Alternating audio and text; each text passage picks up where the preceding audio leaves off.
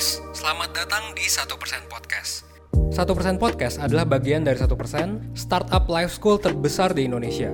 Dalam podcast ini kita bakal ngebahas topik-topik seputar kesehatan mental, pengembangan diri, serta edukasi life skills dengan tamu yang handal di bidangnya. Kami ingin kamu untuk bisa mendapatkan insight baru dan berkembang seenggaknya 1% setiap harinya. So that's all. Enjoy 1% Podcast untuk hidup seutuhnya.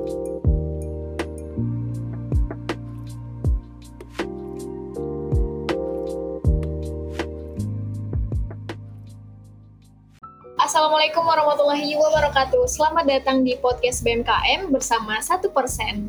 Halo teman-teman semua, selamat pagi, selamat siang, selamat sore, dan selamat malam. Buat teman-teman yang ada di rumah, semoga dalam keadaan sehat walafiat ya, dan tetap mematuhi protokol kesehatan. Nah, sebelumnya kenalin nama aku Suci Putri Ratnazen, aku dari BMKM yang bakal menemani teman-teman semua untuk beberapa menit ke depan. Nah, teman-teman seperti opening yang aku bilang tadi, jadi di sini aku nggak sendiri, di sini aku bersama satu persen. Dan mungkin teman-teman udah nggak asing lagi sama satu persen. Uh, mungkin udah ada yang udah dengerin podcast satu persen di Spotify ataupun di YouTube. Nah, langsung aja nih ya, daripada lama-lama kita kenalan langsung sama mentornya satu persen. Halo Kak. Halo Suci, halo teman-teman IPB, halo perseners. Nah, jadi teman-teman, Kamela ini merupakan salah satu mentor dari satu persen dan Kamela ini ternyata lulusan psikologi UGM teman-teman. Iya benar teman-teman. Halo, aku tinggal di Jogja. Jadi kalau teman-teman ada yang di Jogja juga, hai sama.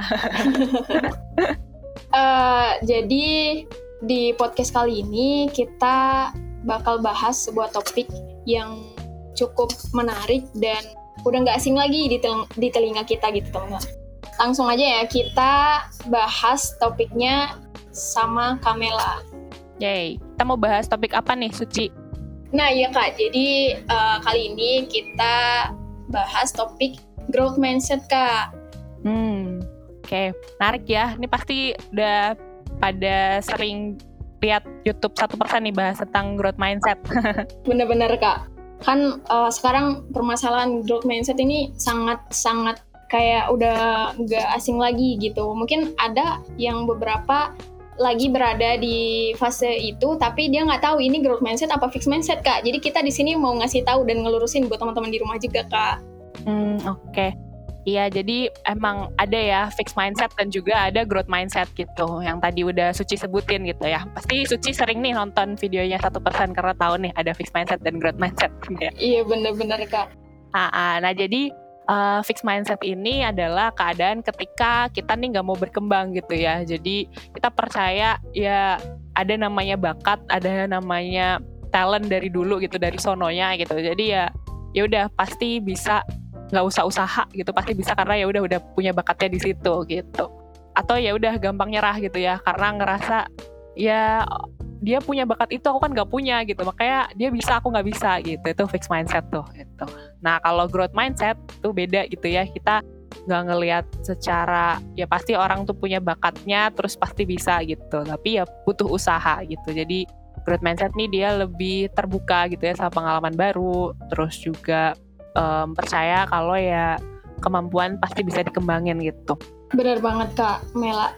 Jadi di sini aku juga udah sering banget sih dengerin uh, curhatan teman-teman ya. Jadi kalau misalnya ngikut ikut suatu kayak organisasi atau apalah gitu kan, pasti ada beberapa teman-teman aku yang kayak udahlah aku nggak bisa, aku nggak bisa ngomong di depan, aku eh, nggak uh, kayak dia, nggak kayak ini. Jadi kayak ya itu termasuk fixed mindset ya kak ya Iya betul, itu termasuk salah satu contoh fixed mindset tuh ya.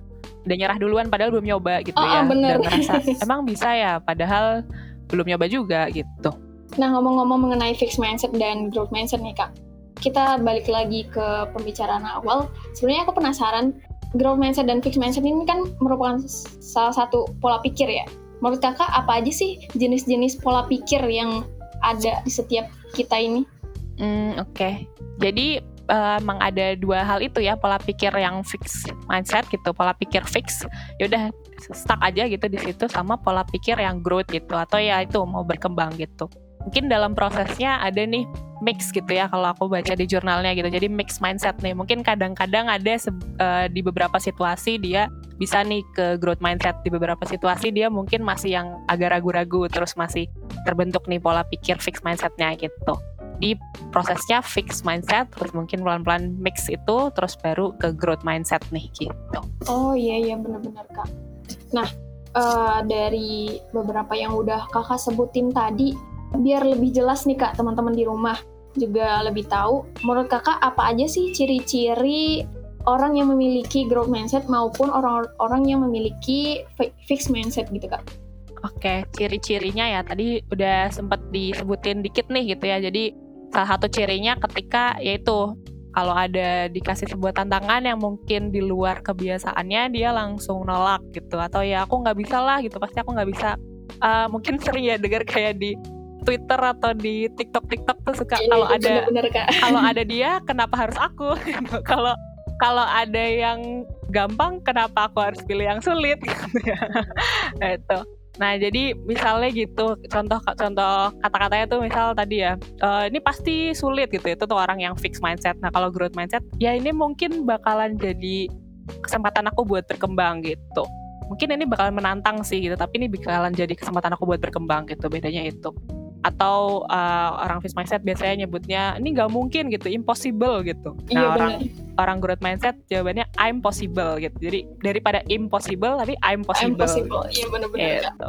atau oh pasti aku gagal gitu fixed mindset fail uh, aku pasti fail gitu nah kalau growth mindset bukan fail tapi singkatan dari first attempt in learning gitu. Oh, oh. pertama kali belajar gitu.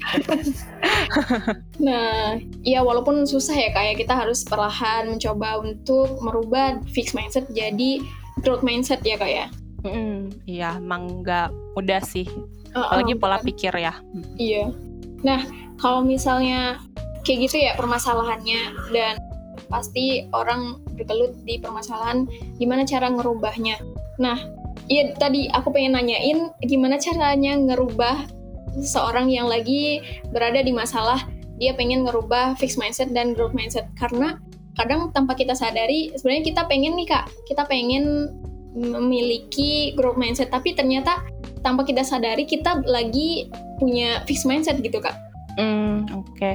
Jadi gimana caranya biar kita bisa jadi growth mindset gitu ya kalau kita merasa sekarang lagi ada di fixed mindset gitu ya suci kan nggak semua orang juga yang langsung kepikiran oh ya aku harus keluar nih dari zona nyaman gitu kan nggak semua orang nyaman untuk keluar dari zona nyaman gitu ya suci nah ini emang perlu pelan-pelan gitu ya suci. Ini termasuk juga nih kita bisa dengan cara uh, menantang pikiran negatif kita dulu nih gitu. Jadi sebelum kita percaya sama pikiran-pikiran negatif kita nih untuk melangkah ke zona di luar zona nyaman kita gitu kita bisa coba tantang dulu nih gitu. Misal tadi aku takut gagal gitu. Emang beneran bakalan gagal gitu? Emang gagalnya itu fakta gitu? Kan belum dicoba gitu. Jadi kan masih asumsi kita doang ya kalau kita gagal gitu terus coba ditantang lagi gitu. Kalaupun gagal emang apa sih dampak terburuknya gitu? Oh ya paling-paling ya nanti mungkin dimarahin gitu. Oh ya kalau dimarahin terus apa emang responnya gitu? Oh berarti aku mungkin galah dapat feedback nih kalau dimarahin. Kan kalau dimarahin malah jadi tahu nih kesalahannya ada di mana gitu.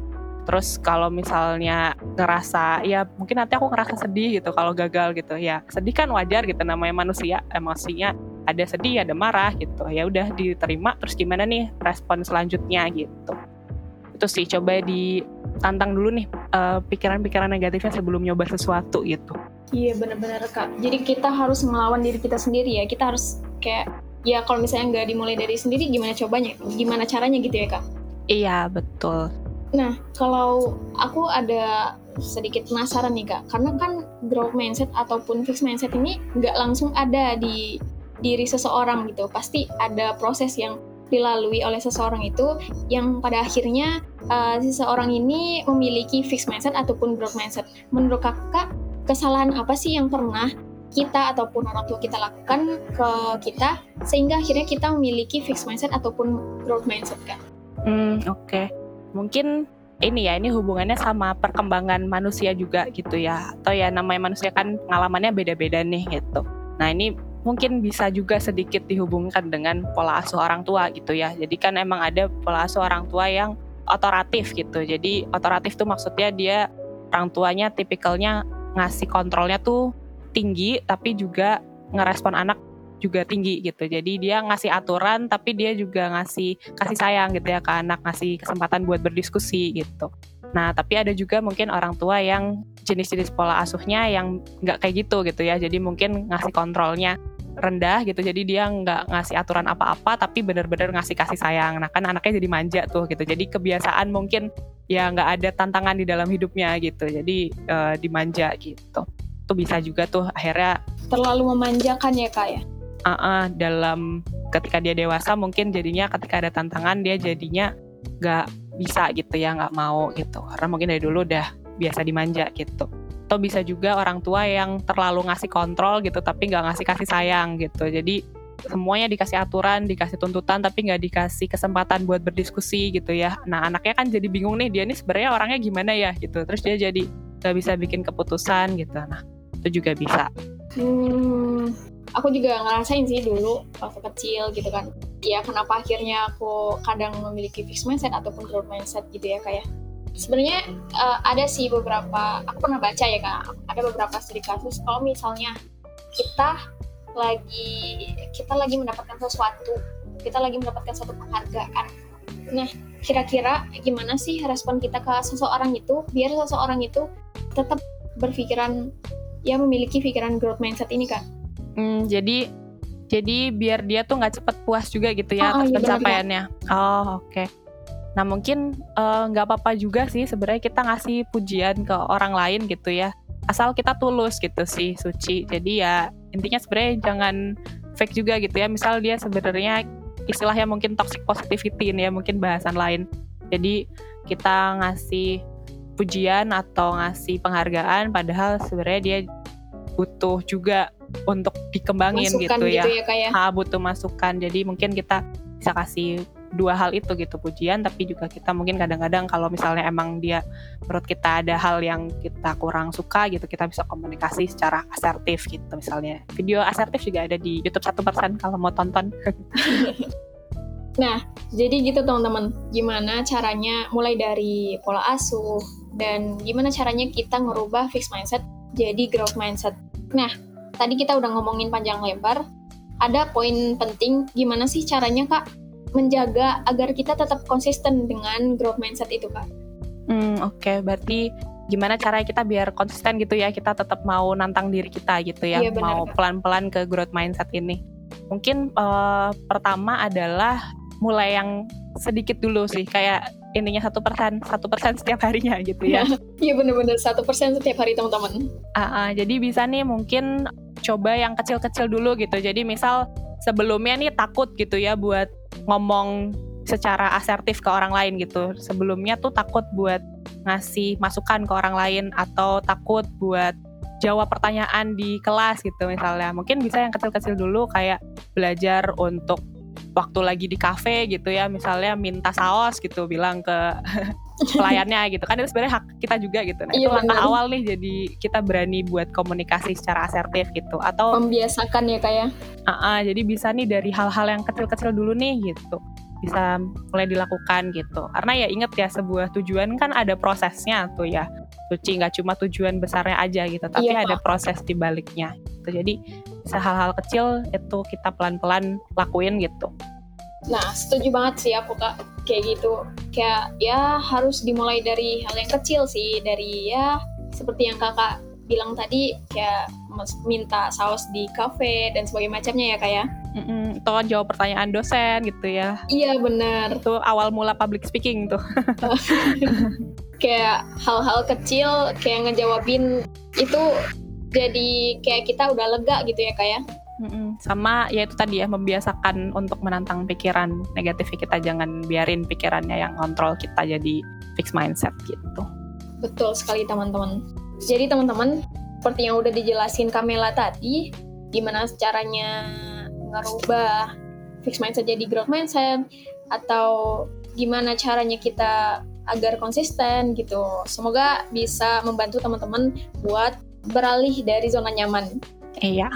Kira-kira Kamela punya closing statement nggak nih Kak buat teman-teman yang ada di rumah?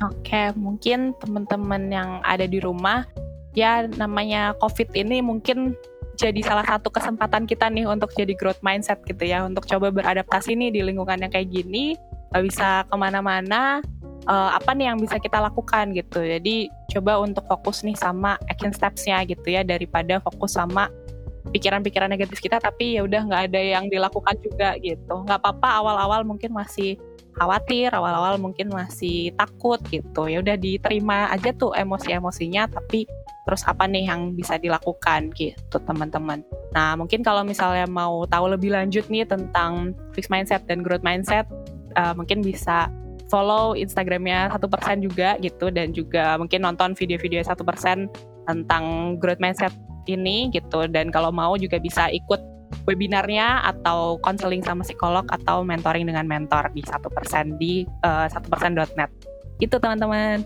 Wah menarik ya kayak ya. jadi teman-teman semoga apa yang disampaikan sama Kak Mela tadi bisa bermanfaat buat teman-teman di rumah dan bisa diterapin dalam kehidupan sehari-hari ya.